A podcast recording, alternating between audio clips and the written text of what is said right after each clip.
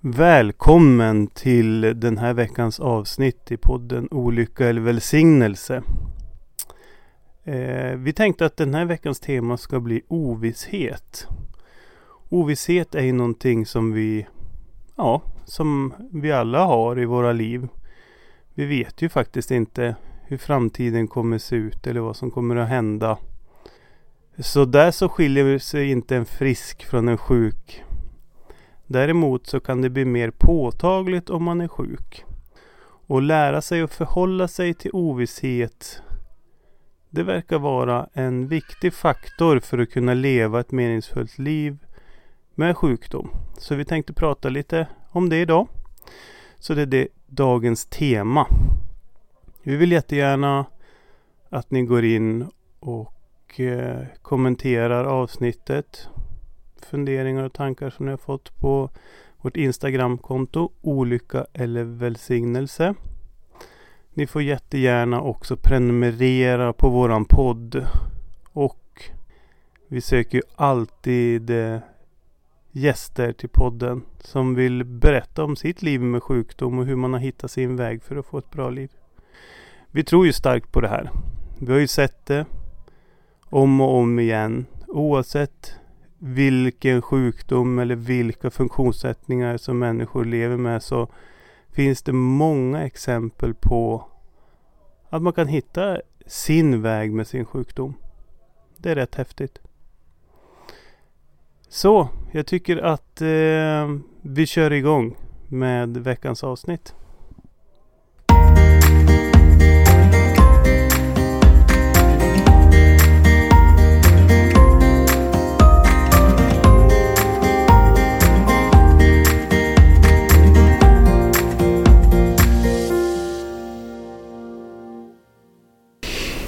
Ha, eh, välkommen till veckans avsnitt.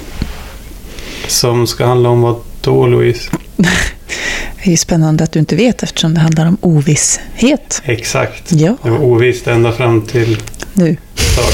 Så idag ska vi prata om ovisshet. Och Louise, du har ju varit så bra för du har ju förberett dig. Och jag får, eh, vad heter det? Eh, freebase. Freebasea, ja. Ja. Jag gillar ju att vara förberedd. Mm. Så. Det gör faktiskt jag också. Tror jag. Du har bevisat det idag. Vad sa du? Du har verkligen bevisat Ja, det idag. eh, precis. Mm. Idag, men idag, det var annorlunda idag. Mm. Vi har haft en annorlunda dag Mm. så här långt. Vi har haft en fantastiskt spännande gäst. Ett Ja, avsnitt som kommer komma framöver. Ja, Det wow. var de, jag har aldrig haft en sån timme i mitt liv tidigare i alla fall. Det var första gången jag upplevde det. Nej, Men det får ni höra. Det var en, en eh, metaforisk dans. Det var verkligen en metaforisk eldig tango skulle jag säga. Ja, det var det. Mm. Det är fantastiskt. Ja. Men ovisshet, Mm. vart, vart någonstans kommer den in? I... Ja, frågar du mig så hänger den liksom som ett eh, blött skynke över hela sjukdomen. Mm. Hela den resan. Men Varför då? eh, varför? Ja. Därför att det går, att vara sjuk går ut på att eh, mycket är ovisst. Tycker jag. Du ser eh, ut som du har tanken någon annanstans. Nej, jag tvungen att rapa och det. Det var därför, det var inget annat. Det var inget annat. Finkänslig. Nej, men jag... ja. Jag Men det jag kan säga om ovisshet, alltså jag... Åh, vad jag avskyr det. Alltså jätteavsky. Eller inte så mycket, jag har alltid avskytt det. Sen när jag blev sjuk så avskydde jag det ännu mer. Mhm. Men det har ju med mitt kontrollbehov att göra. Men så gick jag nog någonstans från den här totala avskyn till att börja acceptera det lite mer och försöka gilla det. Men jag kan fortfarande inte för fem öre hantera det. Nej, Jag är kass på ovisshet. men stämmer det verkligen att du är kass på att hantera det? Ja, men tycker du att jag hanterar det bra när jag väntar på mina magnetröntgenbesked exempelvis?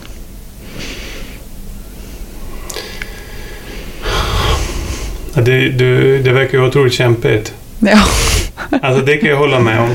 Men samtidigt också så upplever jag inte att du att din oro över den här ovissheten på daglig plan, alltså när det inte är undersökningar och sånt, eh, att du styrs av den. Mm. Nej, styrs kan jag inte säga att jag gör.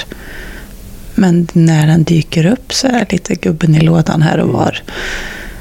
Så tycker jag inte om den. Alltså det här med den här ovissheten. Jag lever ju också med en ovisshet. Då. Mina läkare kan ju inte säga om min eh, sjukdom kommer tillbaks. Eller om den kommer gå i skov. Eller om jag kommer dö i förtid. Eh, Så att den är ju också för mig högst aktuell på något Mm. vis, den här ovissheten. Och eh, nu har jag ju satt ut alla mediciner. Det är ju, eh, var ju ingen som trodde det var möjligt bland många andra saker som, som har gått min väg så att säga. Mm. Så nu känns det som att det är ännu mer ovisst. För att ingen vet om det här var ett bra drag. Mm. Läkaren tycker det. Andra läkare tycker inte det. Mm. Men jag upplever som sagt det här med ovissheten att den blir mer påtaglig också när jag har något symptom. Alltså att jag blir mer orolig för vad det ska vara eller när jag väntar på provresultat. Mm. Så att jag kan väl känna igen mig i din beskrivning. Mm. Fast nu när du sa det så tänkte jag så här att ja, egentligen är ju ovissheten bara ett faktum. Mm. Det är ovisst hur det kommer bli nu när du har satt ut alla dina mediciner. Mm. Eh, Fast det genererar, ovissheten då, oavsett om det bara är ett faktum, så genererar det ju känslor. Det är väl det som blir det jobbiga med ovissheten. I alla fall för mig. Men de här känslorna, eller jag antar väl att det är tankar också. Eh, För den här ovissheten, den... Vad väcker den för tankar hos dig? För jag tänkte väl det som... Det är väl inte just... Det finns väl ingen sån... Någonting magi i ordet ovisshet. Det är väl någonting som... Det innefattar väl något. Alltså att det är hemska tankar som kommer upp när man inte vet. Mm. Eh, Katastrofscenarium Mm, mm. eller vad... Ja, men så är Vad det. är det som är så plågsamt med ovissheten Mm. för dig? Helt enkelt att inte veta. Det ordet i sig säger. För jag vill ju ha en plan A Mm. och B. Och så fortsätter vi hela alfabetet. Ehm, så om man tar mina magnetröntgen som ett exempel. Så har ju jag med den här ovissheten, okej. För jag tror ju fortfarande, eller jag inbillar ju mig fortfarande varenda gång att om jag förbereder mig på de olika beskeden så blir det lättare att få dem. Liksom, att är det ett bra besked, ja men då är det faktiskt lugnt. Är det ett halvdåligt besked, ja då kan jag agera så här och då ska jag tänka så här med familjen, tänka så här med arbetet. Är det ett skitdåligt besked, ja då ska jag göra detta och detta. Um, för jag tenderar att tro att jag ska kunna lite så, sudda bort ovissheten genom att förbereda mig på, på svaren på det som är ovisst. Mm. Det lät jättekryptiskt kände jag när jag sa det. Men är det någonting som blir begränsande för dig? Eller är det någonting som du inte lider så mycket av? Att du blir så besatt av? Och, Mm. Nu är jag ju bättre... Eller var jag som tolkar att du varit besatt av att och försöka göra allt du kan för att ha kontroll liksom, och förbereda dig? Men du kanske inte... Besatthet är ju ett hyfsat starkt ord, Mm. men lite fast i det är jag ju i tankarna. Mm. Nej, men jag vet inte. Jag... Ovisshet. Jag tycker bara att det är jobbigt. Jag vill ju veta vad som ska gälla. Det är ju mitt liv. Jag vill veta vad det är jag har att utgå ifrån. Precis. Så. Så. att man vet att man Mm. kommer att leva. Ja, i detta fallet pratar vi om det. Men eh, du vet, eh, du hade ju... eh, Jag för mig att du hade någon åsikt. Jag sa ju att eh, ovissheten blir ju mer påtaglig när man får eh, en sjukdom, en allvarlig sjukdom. Eller hur? Mm. Och... Eh, det på något vis kan ju, kan ju påverka livet. Att det sänker lite livskvalitet och så.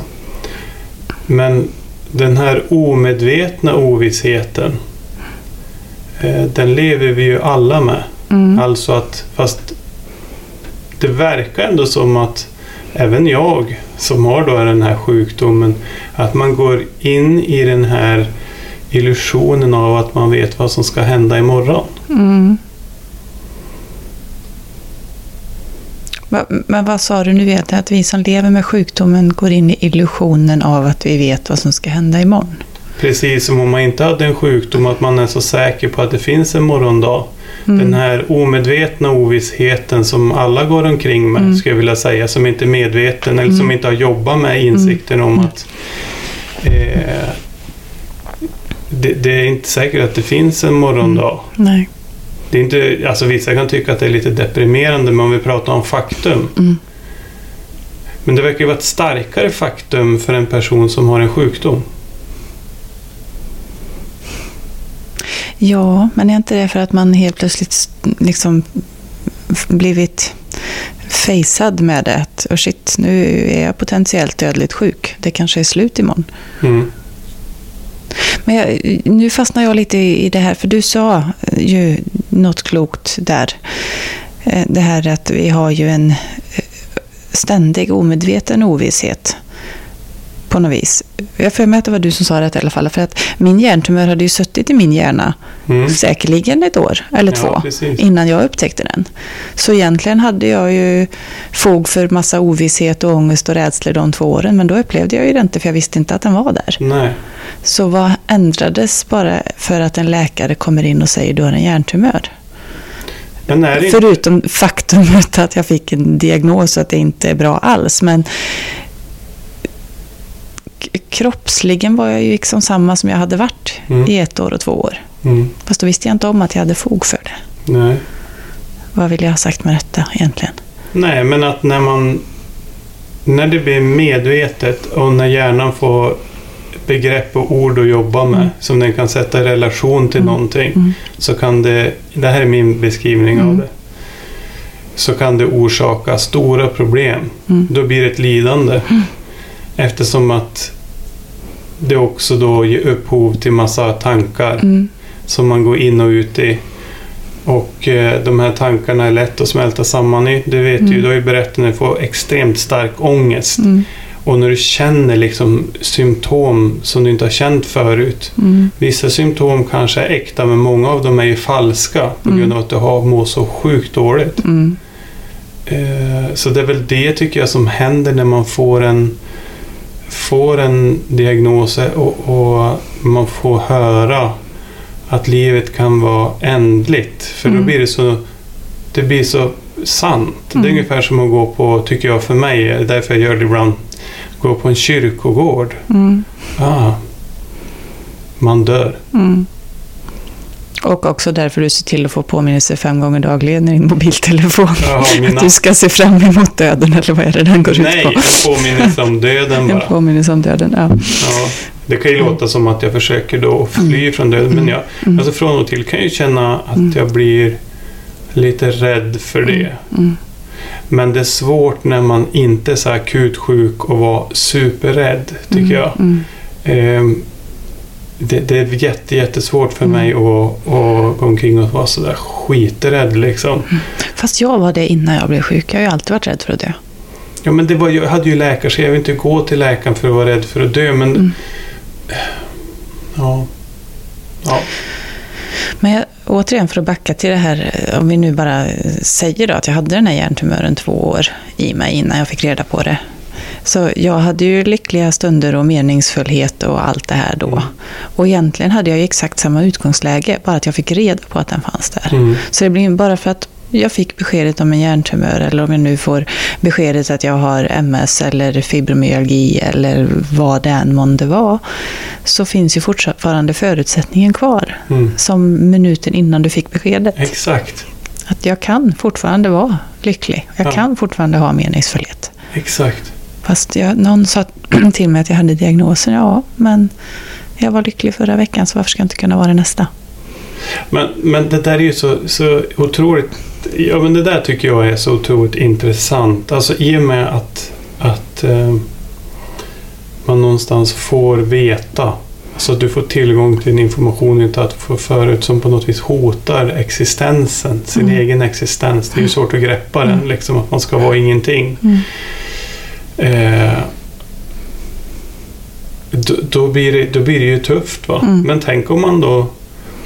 Tänk om eh, vi leker med tanken att eh, ja, det här är ju otroligt orealistiskt att det ska ske. Va?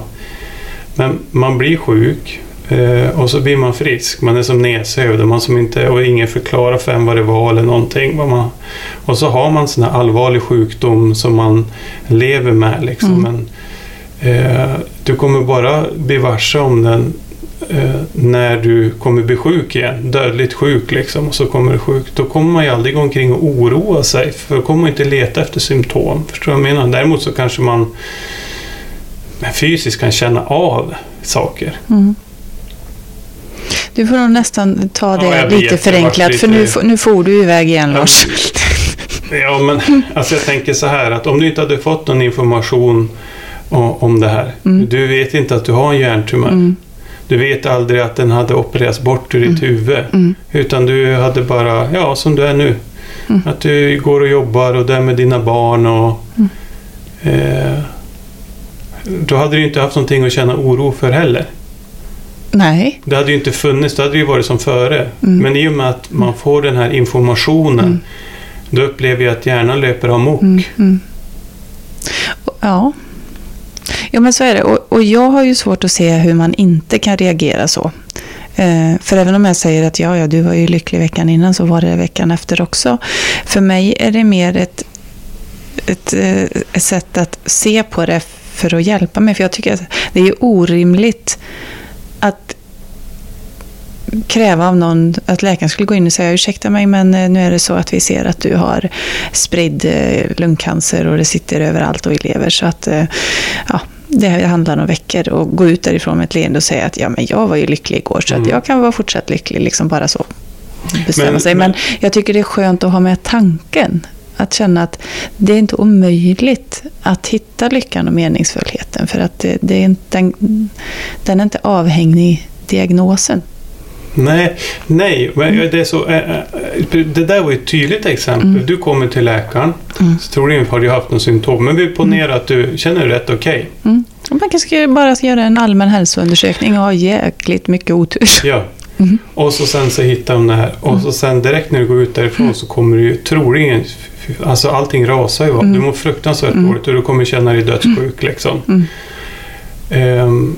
Men säg inte det lite grann om vikten då av att lära känna sin... Nu är jag inne på det här för jag tycker det är intressant. Mm. Alltså lära känna sin hjärna, hur den funkar Mm. i sådana situationer för Mm. att kunna ta en liten distans. För det är faktum är ju Mm. att rent fysiskt så har du inte märkt av det så länge. Mm. Utan det är bara det att du får tillgång till mer information och Mm. den kan inte Mm. hjärnan riktigt hantera. Mm. Alltså jag säger inte att det, det är en naturlig reaktion. Mm. Men på, men på bara för att du tänker att du ska Mm. dö så dör du ju inte här och nu. Mm. Men det känns ju så Mm. när man blir så orolig. Och, Mm. Det känns som att man får lösas upp liksom. Mm. Så den här ovissheten skapar liksom otroligt mycket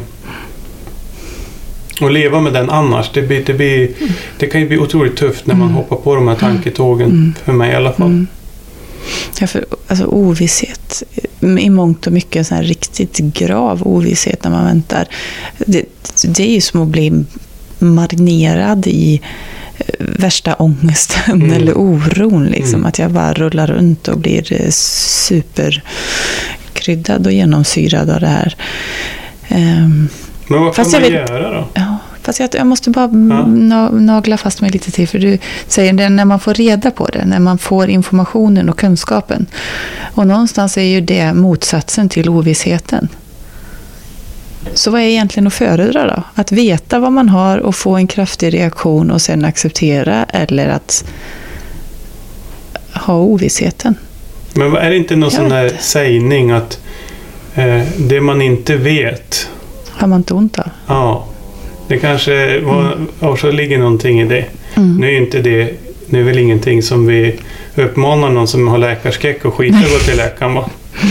Men, eh, men eh, just det här med att, kan man säga så här att mycket av det, den, den, oron och ångesten man upplever eh, den kan man jobba med eftersom att den är mycket mentalt. Rent Ja. och det kanske ger lite hopp till människor Mm. som, eh, som sitter med Mm. dödsångest eller vad Mm. Nej, det tycker jag absolut vi kan påstå.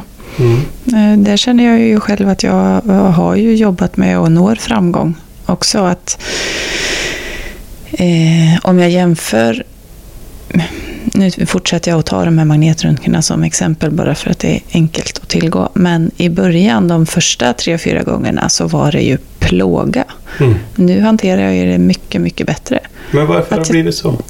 Att det blir bättre eller att det var en Men vad, är, plåga? vad är dina... Vad, kan, vad är det som har gjort att du då kan hantera det bättre, tänker jag? Ja, men jag är mycket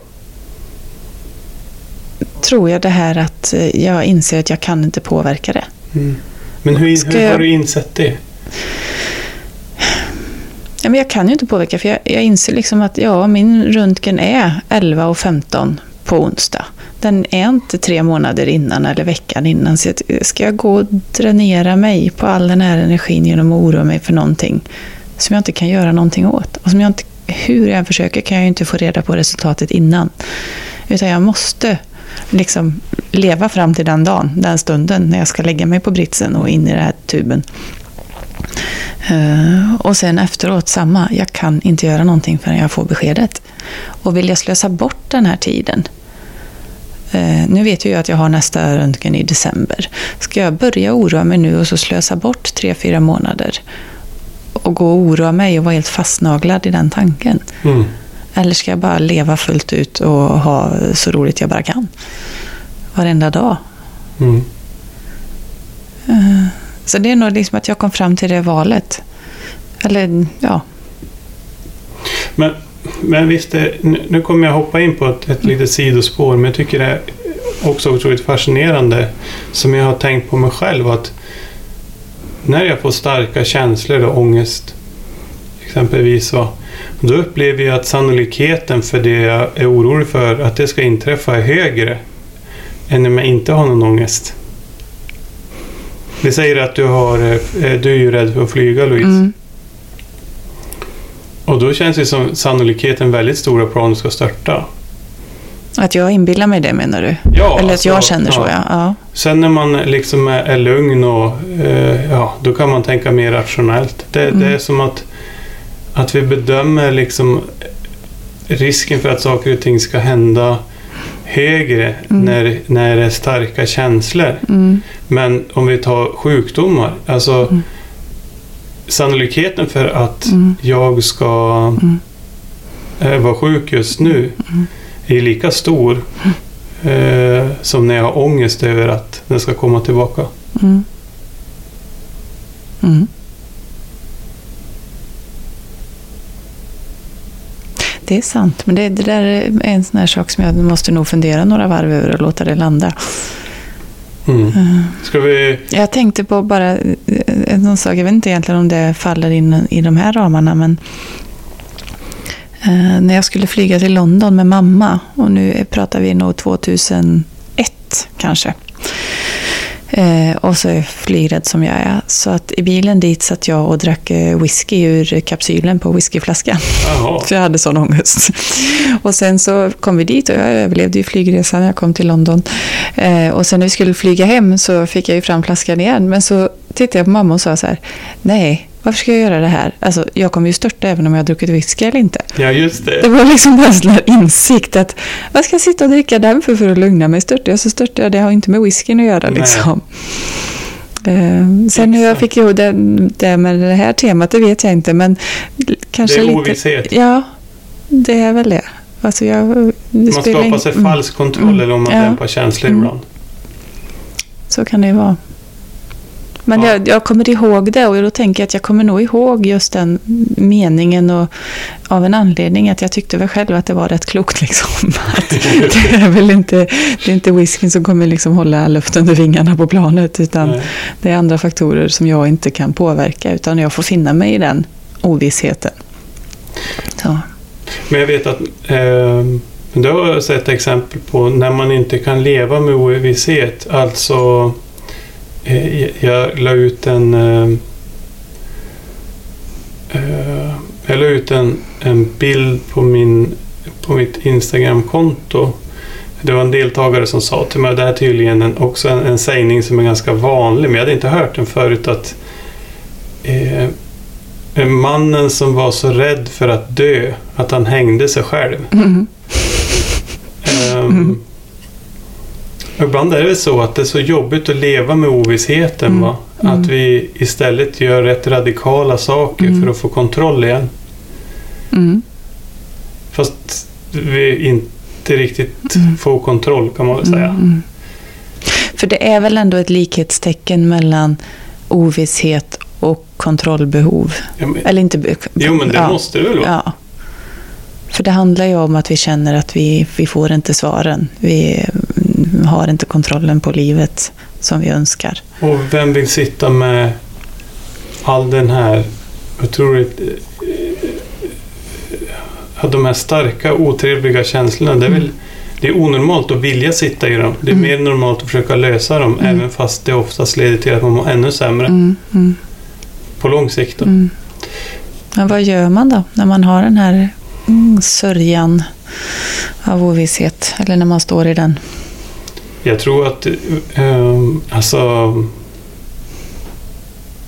Jag tror en, en, en sak, det är ju att eh, bara bekänna för sig själv. Eller hur? Mm. Fy fan, jag avskyr det här. Mm, Alltså, vilken skit jag sitter nu. Mm. Jävla dyngkänslor jag Mm. Jag vill inte känna den ovissheten. Mm. Jag avskyr det med någonting annat. mm, Och bara, bara bekänna att den finns Mm. där och den plågar en så otroligt mycket. mm, Ehm, istället för att man eh, jagar eh, sätt att dämpa den, Mm. sätt att få Mm. kontroll som ibland har en tendens att slå över. mm, Eh, för att det, det, det går inte att säga liksom att, att eh, det är skönt att på något vis acceptera mm, ovisshet. nej. Fast där sa du det där magiska ordet som jag nästan kräks över. För jag säger det i så många sammanhang. Mm. Men den där acceptansen. Mm. Den, den kommer, den smyger sig in i allt.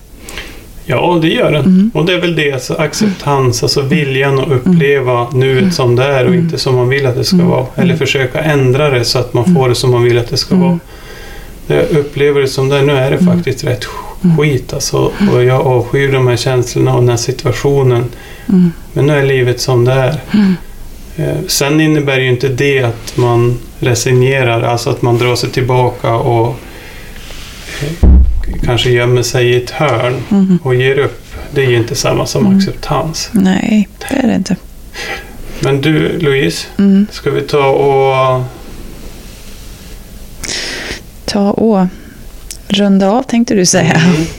Precis. Fast jag måste få fråga en sak till. Ja, absolut. Vi har några minuter till godo. Eller ja, det är du och jag som bestämmer så att vi är egentligen hur mycket som helst. Men är det skillnad på ovisshet om det är en faktisk tidpunkt man oroar sig för som återigen tar jag mig själv och mina röntgen. Att okej, den 14 september säger vi, så är det röntgen. Då vet jag det, det är det datumet. Så det är en ovisshet.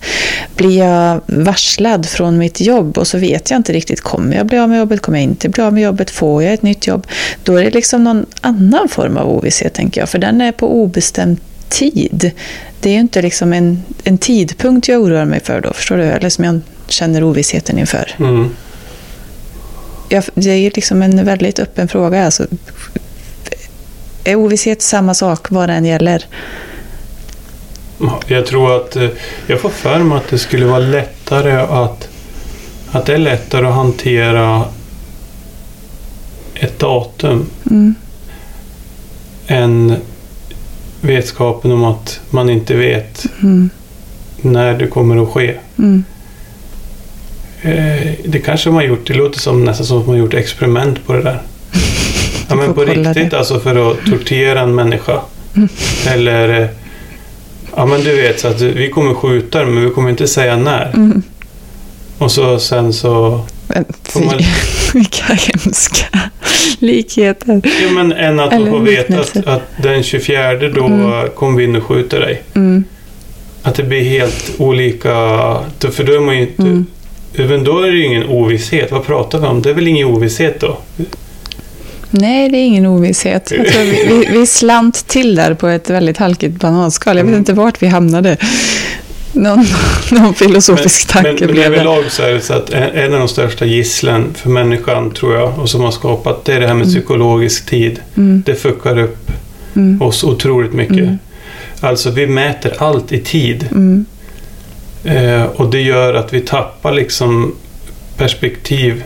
Framförallt att man, att man eh, eh, att man ser att saker och ting ändras. Att det Mm. finns ett kontinuum i, i naturen och Mm. i samhället och sådär. Men det här med tid, det är ju någonting vi har uppfunnit. Mm. Alltså mm, eh, psykologisk tid. mm, Och, och om man tar bara det här som att men du har två år kvar att leva. Och det är kort tid. mm, Kort psykologisk tid. mm. Var har vi fått det ifrån? Ja, det skulle vi kunna ha ett helt eget poddavsnitt Jo, om, eller en helt egen poddserie. Ja, Men, eh, det är ett stort mm, gissel för att ja, förhålla sig till. För mm, det skapar så otroligt mm, mycket lidande. mm, mm. Bara jag får semester om två veckor. Men det är Mm. lång tid dit. Mm. Du vet, alltså vi får... Och samtidigt är ju tid det som är det mest rättvisa på ett sätt. För alla har exakt lika mycket, om vi nu ska benämna det tid, då, Mm. Ja, på absolut. ett dygn liksom, och lika mycket att göra. Men jag måste igen, ovisshet i sjukdom då. Vad, vad, kom vi ens fram till någonting idag? Mm, Jag tycker vi kommer fram till ganska mycket. För det första är ju att ovissheten kommer man inte undan. Mm. Och att ja, det här med, med att öppna upp för den här ovissheten. Mm. Att den, den måste få finnas. Eh, vi pratar om acceptans. Mm. Acceptans för ovisshet. Och det har vi egentligen gjort med oro också tror jag. Mm. Alltså vi, vi använder det kanske ganska friskt men Mm. eh, eh, den, den, den, den är ju plågsam. Mm. Och om man inte hittar sin väg med ovissheten och leva, eh, leva med ovisshet. Då, Mm. Jag tror att det är svårt att hitta den här meningsfullheten i livet för då kommer den bara vara där och störa hela tiden. Mm. Att- För man kommer hela tiden att försöka och, och, och eh, påverka den här ovissheten så att saker blir mindre ovisst. Mm. Istället för att bara Mm. inse Mm. att ja men Mm. jag vet inte. Ja, för vi, det, det gör vi ju definitivt, gemene man. Att vi är så inriktade på att jobba bort allting som är lite jobbigt för Mm. oss. Det, det ska liksom inte vara där. Och det är väl, vi är ju så extremt bekväma och bortskämda och lever de flesta av oss väldigt bra. Så att när det blir lite jobbigt så bort, bort, bort liksom. Mm. Men det är som du säger, öppna dörren och säg välkommen istället. Så Precis. här är du, ja ja, häng du här ett tag men sen ryker Så, du. precis, hänga ett tag och så sen så... Mm, ja, Mm. man kan ju... Man kan ju tänka det som en... Det var så jag ska dra på. en metafor. Jag, jag fick bara upp en, en gammal dammig rock liksom, i tamburen som man liksom inte kan bli av med. Mm.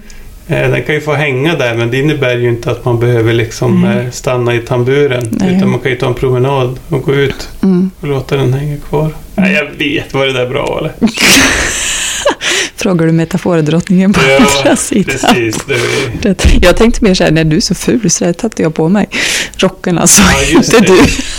du. ja, men det, det, det kanske, Det kanske, så kanske är bättre. Ja, Mm, du kan få hänga där då, men jag tänker inte använda dig. exakt. Lite så. Det är bra. Ja, istället för att ta med den ut på promenad. Ja, ja.